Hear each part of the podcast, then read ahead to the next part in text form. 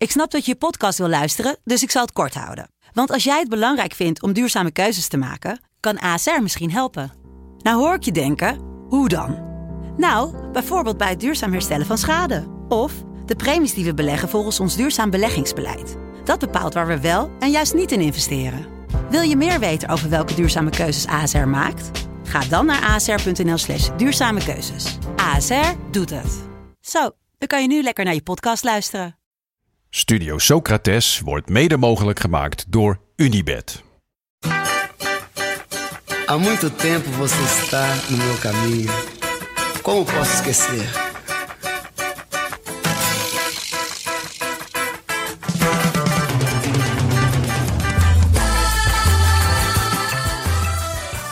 Welkom bij Studio Socrates, een podcast over alles wat voetbal mooi maakt. Beleza é você, menina. Menina, no seu jeito de olhar. Ja, ja. Er staat weer een eh, lekker lang Pinksterweekend voor de deur, hè? Ja, jij gaat natuurlijk weer op vakantie. De vakantieman. Ja, het vakantieseason is begonnen voor mij. Ja, Ik heb er echt zin in. Ga jij of... of? Eh, ik heb een vakantie geboekt. eh, het mag, ik mag ook wel weer eens. Ja. Eh, eind eh, juni ga ik een week Ah, weg. ja. Dus in onze, in onze zomerstop. Precies, ja. Ik plan het gewoon rustig om, eh, om de afleveringen heen. En dit weekend? Het Eh, dit weekend eh, ben ik jarig. oh ja, je bent Dus, jarig. eh, eh, ja, jij bent er niet bij. Nee. helaas. Wordt een- Helaas. gewoon eh, in de druif gevierd. Ja, Dat is natuurlijk. natuurlijk wel het voordeel van een eigen café hebben. Ja, slim. Eh, Je hoort de kassa al rinkelen. nee, juist niet. Ehm, en eh, ik ben natuurlijk altijd samen met mijn broer jarig. Ja. Dat is, eh, vind ik altijd prettig. Hebben jullie het wel zonder elkaar gevierd? Nou, wel eens gevierd dat volgens mij een van ons dan in het buitenland was of zo. Gingen jullie Maar- naar FaceTimen? Ja, natuurlijk. En we kopen ook altijd een cadeautje voor elkaar natuurlijk. Maar eh, ik vind het altijd wel lekker. Anders sta je zo in je eentje ongemakkelijk in het middelpunt.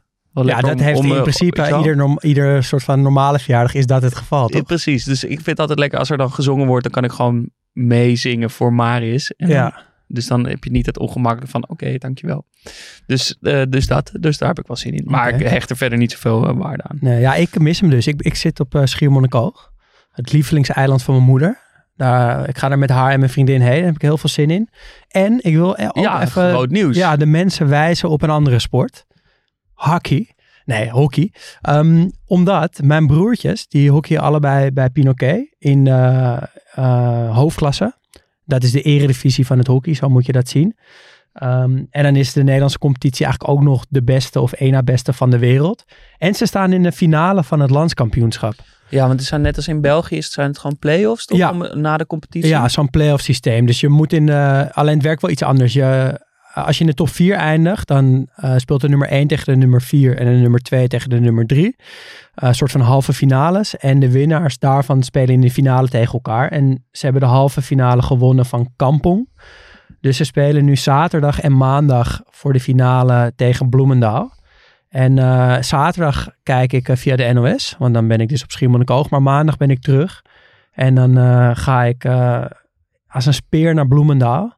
Om daar in het sfeervak van Pinoquet met, eh, met vuurwerk en rookbommen mijn En- broertjes aan te moedigen. En die twee eh, broertjes Sitoris, die staan gewoon in de basis. Nou, dat is bij hockey ook een beetje raar. Want er wordt zoveel doorgewisseld dat je niet echt een, kan Oh. spreken van een Zo basis. zie je maar dat ik Ja, ja, zo, maar het is zo weinig ervan Gewoon je knippert twee keer met je ogen en er staan gewoon weer vijf andere spelers in. Maar ze spelen allebei veel. Uh, en ze spelen goed ook dit, uh, dit jaar. Ja, leuk. Nou, ik leuk. ga ook uh, proberen te kijken. Uh, dat dit weekend, maar volgende week woensdag gaan we het hebben in onze dan laatste aflevering van dit normale seizoen. Over ja, nog een zwaargewicht. Eentje die lang op ons lijstje stond. Hatem Ben Arfa. The streets won't forget. Ja, de, de speler voor ja, de straten nooit zullen vergeten. Uh, dus daarom hebben we het deze vrijdag over solo goals. Ja, want daar heeft hij er twee van gemaakt. Dat gaan we woensdag uitgebreid bespreken. Maar uh, ja, hij was toch wel... Het was gewoon een specialiteit van hem. Dat is eigenlijk wel bijzonder als een van je specialiteiten is om een, om een solo goal van eigen helft te maken. Uh, heeft hij twee keer gedaan en hij is nog een aantal keer echt dichtbij gekomen. Um, maar daar voor woensdag meer. eerst gewoon over de solo goal in, in zijn algemeenheid. Wat, ja, hoe, heeft, heeft het een definitie eigenlijk? Wat is een, wanneer is iets een, een solo goal? Ja, dat zat ik ook te denken. Want ja, wanneer, wanneer is een solo goal een solo Ja. goal? Is moeilijk, want ik denk niet dat je er, dat je er een soort eisenlijstje aan kan hangen. Ehm, maar misschien, maar, maar, dat, maar dat gezegd hebben, ik denk wel dat iedereen meteen weet, oh dit is een solo goal en dit niet. Dus laten we kijken of, we dan, of het lukt om dat een beetje te definiëren. Bijvoorbeeld, en ik denk dat dat het belangrijkste is, hoeveel man moet je minimaal langs voordat je iets een solo goal mag noemen? Ja, nou ja, dan, dan ga ik denk ik gelijk een wedervraag stellen. ja. Namelijk, ehm, was die goal van Garrett Bale met Real Madrid tegen Barcelona, dat hij zo die bal voorbij Bartra tikt en in een gigantische sprint buiten het veld, buiten de lijn om, eh, ja, Bartra eruit sprint en afwerkt. Gaat hij eigenlijk maar één man voorbij, maar is dat dan een solo goal? ja, ik zou zeggen, in dat geval, bij die goal van wel. Dus ik denk dat het antwoord is dat je er minimaal Ja. één iemand dit- voorbij moet. Maar dat vind ik toch al iets heel belangrijks. Dat het dus Als je niemand se- voorbij gaat, dan is het geen solo goal. Ja, maar en dus dat het ook niet uitmaakt als het er maar één is. Dat kan dus ook. Het hoeft er niet per se vijf of zes te zijn. Het Telt, een, so, telt het als solo goal als je vanaf buiten de 16 schiet? Ja, ik denk wel dat dat kan. Als je, ja, tuurlijk. Als je gewoon zes, zeven man voorbij gaat en je, ja, je, werkt af van buiten de 16, dan telt dat als een solo goal.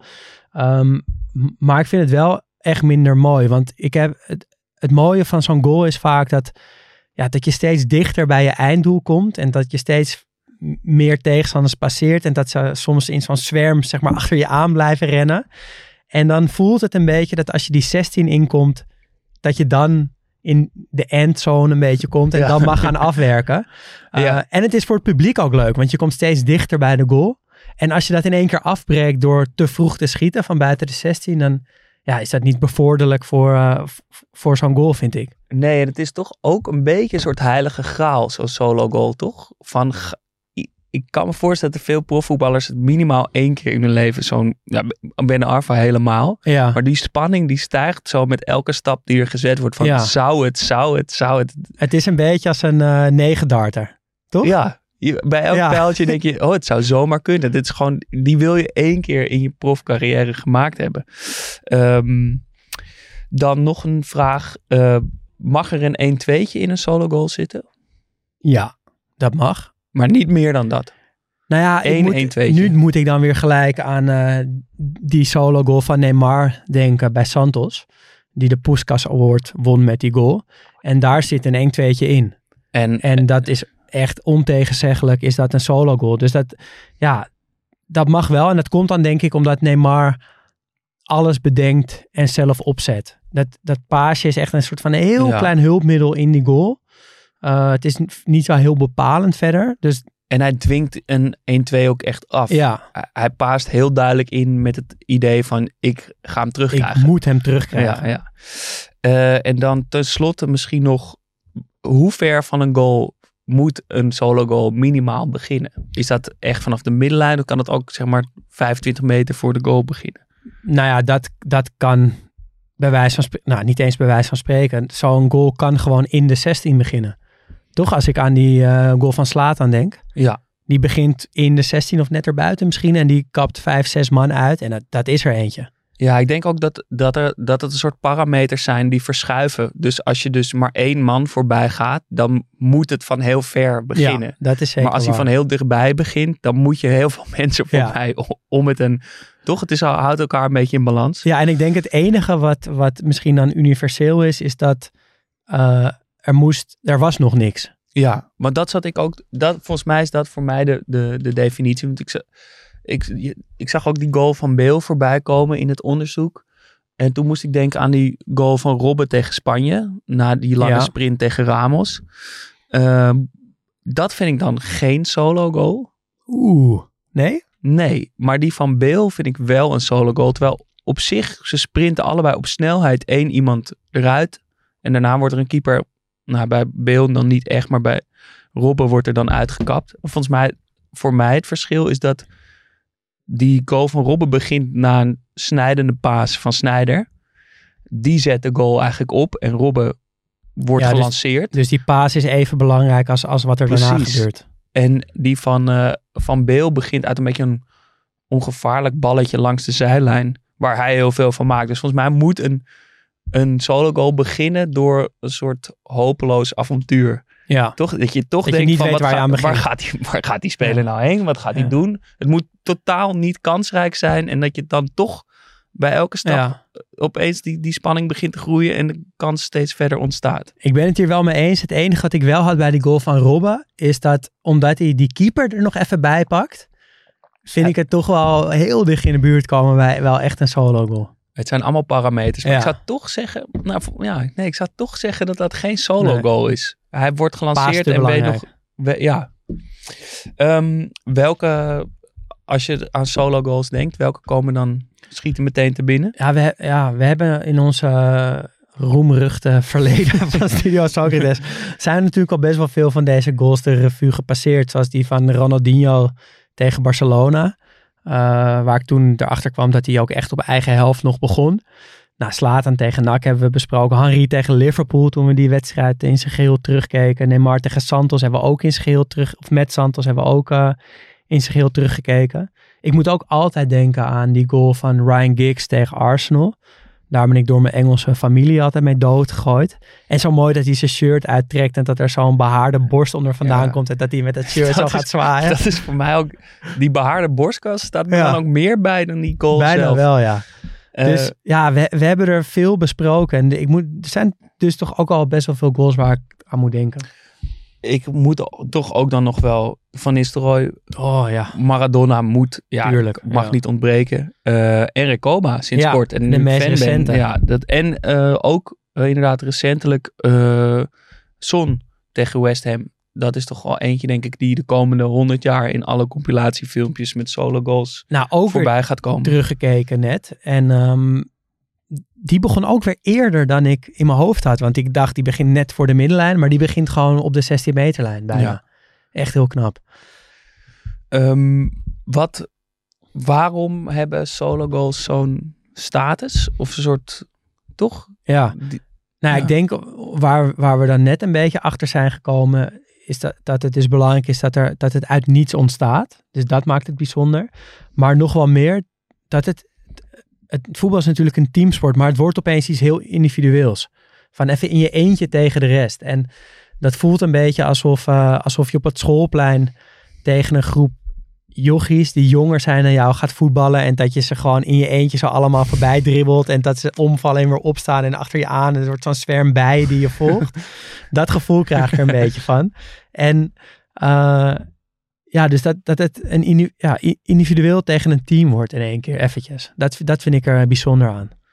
Ja, ik, ik heb er een beetje een moeilijke relatie mee, denk ik. toch. Ik kan er heel erg van genieten, maar eigenlijk vind ik het alleen mooi als het bijna niet anders kan of zo, toch? Dat Ja. je maar een beetje op avontuur gaat, er geen medespelers om je heen zijn en dat je dan maar voor de meest Ja. logische, dat je dan maar denkt, ik kies eigen voor mijn geld. Ik ga er gewoon voor, ik ga het gewoon proberen, kijken hoe ver ik kom, want is niet echt een andere optie dan terugspelen bijvoorbeeld.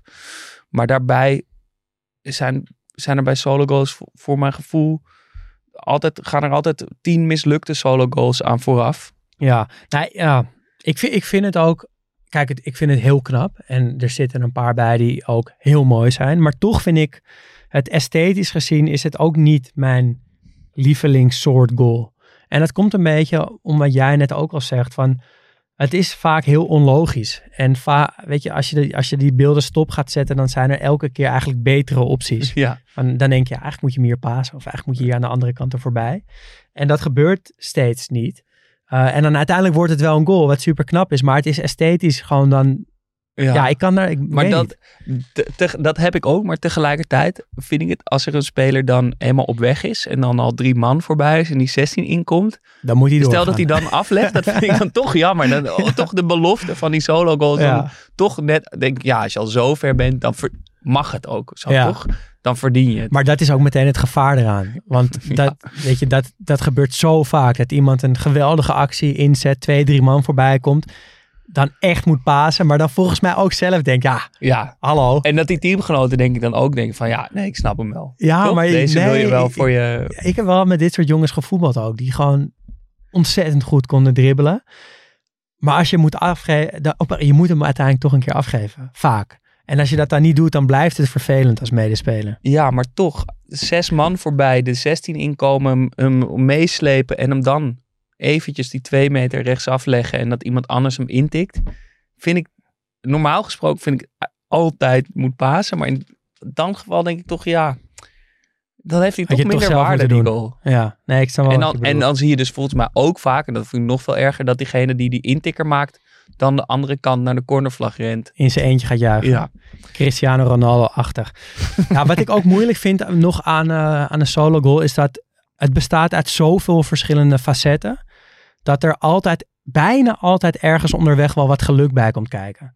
Dus dat het net een balletje eh, door de benen of net staat net een beetje op of net de afwerking is net niet helemaal mooi. Waardoor de goal in zijn geheel voor mij ook wel, dus vaak wel wat waarde verliest. En ik kwam bijvoorbeeld een solo goal tegen van Letitia tegen Newcastle. En dan soleert hij eigenlijk ja, met de bal hoog in de lucht voorbij drie, vier Echt man. prachtig. Echt prachtig. hij neemt hem ook met zijn hak achter zich Ja. omhoog mee. Echt geweldig. Maar dan is die afwerking ja, net een lullig balletje die dat nog twee keer stuitert voor de doellijn. En dan denk ik, ja, Verliest toch, het. toch een beetje anticlimax. Ja, die. Ik heb dat ook. Dat uiteindelijk is dat denk ik dat er zo dat dat improviseren en geluk zo'n grote factor is van zo'n goal. Heb je toch het gevoel van ja, het had net zo goed mis kunnen gaan. Ja. En dat uiteindelijk wil je een soort dominantie uitstralen. Of dat, dat is mooi, de totale beheersing en controle. En dat je ziet dat een, een doelpunt eh, recht vanaf het trainingsveld, die patronen worden meegenomen en dat er gewoon een soort to- totale overmacht van uitstraalt. Dat heb je eigenlijk ook bij zo'n Neymar goal die beter is dan wie dan ook, een totaal overmacht laat zien, heb je toch het gevoel van ja, het hem ook hier kwijt kunnen raken. Ja. ja, zeker. Ja, en dan heb je voor mij ook nog een, eh, een duidelijk, duidelijk onderscheid in zo'n goal op snelheid of niet op snelheid. Ja. Want je, heel veel van die solo's zijn, zijn gewoon echte dribbles op, op volle snelheid. Zoals ja, Ben Arfa dat heeft gedaan. Of, of Garrett Bale dan tegen Barça. Daar, daar dribbelt hij dan wat minder, maar ook vol op snelheid. En je hebt een beetje meer dat, dat Slataneske. Dat hij gewoon op de vierkante meter drie, vier man uitkapt. Eigenlijk uit stilstand. En dan vind ik dat laatste ook eigenlijk wel echt mooier. Ik heb wel echt, een, ik heb het volgens mij ook wel vaker gezegd, een hele specifieke voorkeur voor, voor dit soort dribbeldoelpunten. Of voor dribbles in het algemeen. Namelijk eh, op snelheid door spelers die niet echt snel zijn. Ja, Ehm, maar gewoon door een beetje van richting te veranderen. En op het goede moment steeds van richting, zeg maar, de bal te raken. Eh, dat, dat vind ik de het, het liefst ook dat die bal eigenlijk net te ver voor, zich, voor iemand uit wordt gespeeld. Dat, dat weet ik, ja. Jezelf steeds een beetje lanceren en dan steeds net op tijd bij de bal komen. En dan weer een tikje geven. Dus met zo min mogelijk Ja. balaanrakingen. Daar hou ik van. Hoekig. en wat is dan je lievelings? Ja, ik moet dan denk ik toch van Nistelrooy zeggen. Omdat daar dus ook een beetje dat... Omdat het niet bij hem past. Ja, Het is een beetje ho- hoekig. Maar ook heel technisch. En de afwerking is heel mooi. Dat hij hem inhoudt en dan meteen Ja. in dezelfde beweging afmaakt.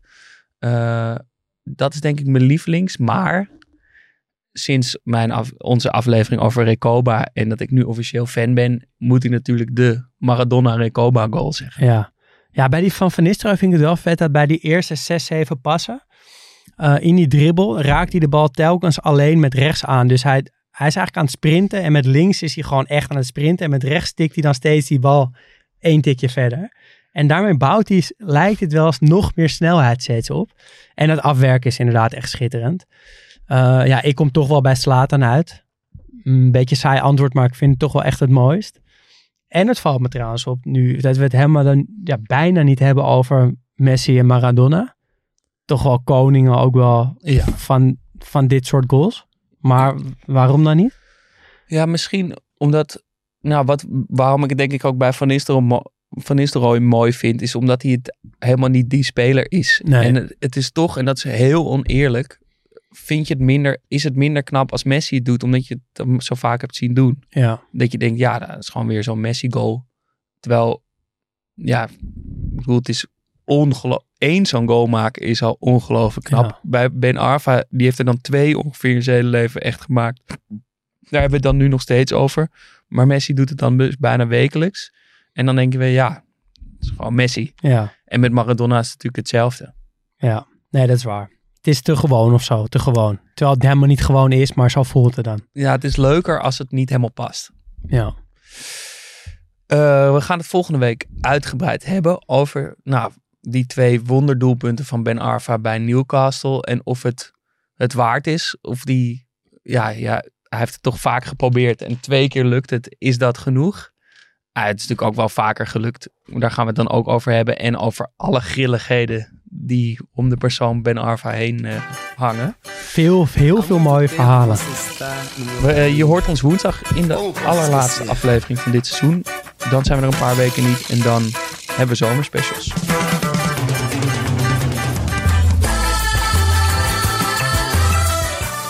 Studio Socrates wordt mede mogelijk gemaakt door FC Afkikken. Wil je meepraten? Dat kan. Laat een bericht achter op vriendvandeshow.nl slash Studio Socrates of via Instagram studio-socrates. Mailen kan trouwens ook. Ons e-mailadres is studiosocratespodcast.gmail.com.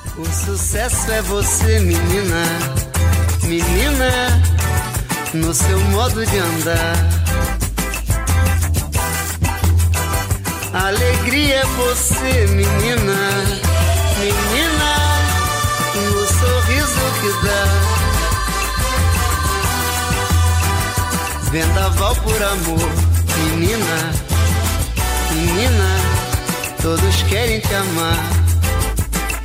Ei, vento, vento, vento no mar Te segura no balanço Pro vento não te levar Ei, vento, vento, vento no mar Te segura no balanço Pro vento não te levar Já sei que não vai ter jeito Pra poder te conquistar Se você olhar pra mim, menina vou te amar. Já sei que não vai ter jeito pra poder te conquistar. Se você olhar pra mim, menina, vou te ganhar. Ei, vento, vento, vento no mar. Te segura no balanço pro vento não te levar. Ei, vento, vento, vento no mar. Te segura no balanço pro vento não te levar. Como posso te esquecer? Não tem jeito.